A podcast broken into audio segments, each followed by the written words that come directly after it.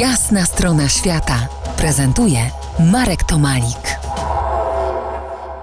Dziś podróże po Polsce, niespieszne, bo z napędem na nogi, na dwie nogi. Roztocze to kraina na większych i mniejszych wzniesieniach, które ciągną się od Kraśnika aż po Lwów.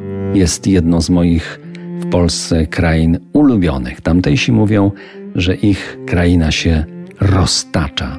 W sensie historyczno-etnicznym Roztocze już od Piastów było granicą między Polską i Rusią. Tu też przebiegały granice zaborów. W ośrodkach miejskich, w tym Tyglu wschodu i zachodu, to jest w Lwowie, Zamościu, Żółkwi, prócz Polaków mieszkali Żydzi, Ormianie, Tatarzy, Węgrzy, Niemcy, Grecy, Włosi, Hiszpanie, Anglicy, Szkoci. Niezły koktajl, prawda? Ale czy to ma jakiekolwiek znaczenie dla pieszych wędrówek leśnych? Otóż troszkę i nie wprost, ale o tym za jakiś czas. Teraz chciałbym sięgnąć pamięcią tamtych chwil, kiedy przez Biłgoraj Aleksandrów dotarłem nocą do Górecka Kościelnego. Pierwsze co pamiętam to potężne dęby, tak stare, że pamiętające jeszcze Chmielnickiego. Pamiętam, że dęby prowadziły aleją prosto do kapliczki na wodzie ustawionej na palach wbitych w koryto rzeki Szum i dalej do podobno cudownego źródła.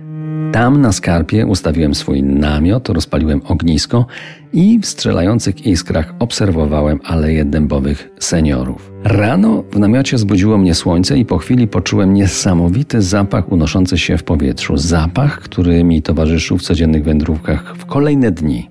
To był sosnowy las. To ten sosnowy las hojnie dzielił się olejkami. Sosen w noc przybycia nie widziałem, ale nad ranem, zanim je zobaczyłem, już je w nozdrzach miałem.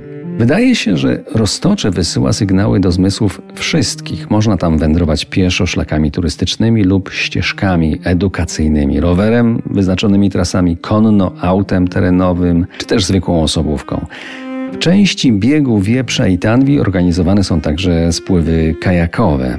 W czasie wędrówek wśród 50-metrowych monstrualnych jodeł miałem okazję podglądać jelenie i sarny. Żyją tam także dziki, wilki, rysie, lisy, kuny, borsuki, bobry i suseł perełkowy, relikt tzw. Tak fauny stepowej. Okej, okay, na nogi stanę za kilkanaście minut i zabiorę Was do pięknych i starych lasów, które wiele widziały i wiele słyszały, bo historia odcisnęła tam swoje piętno. Zostańcie z nami w RMF Classic.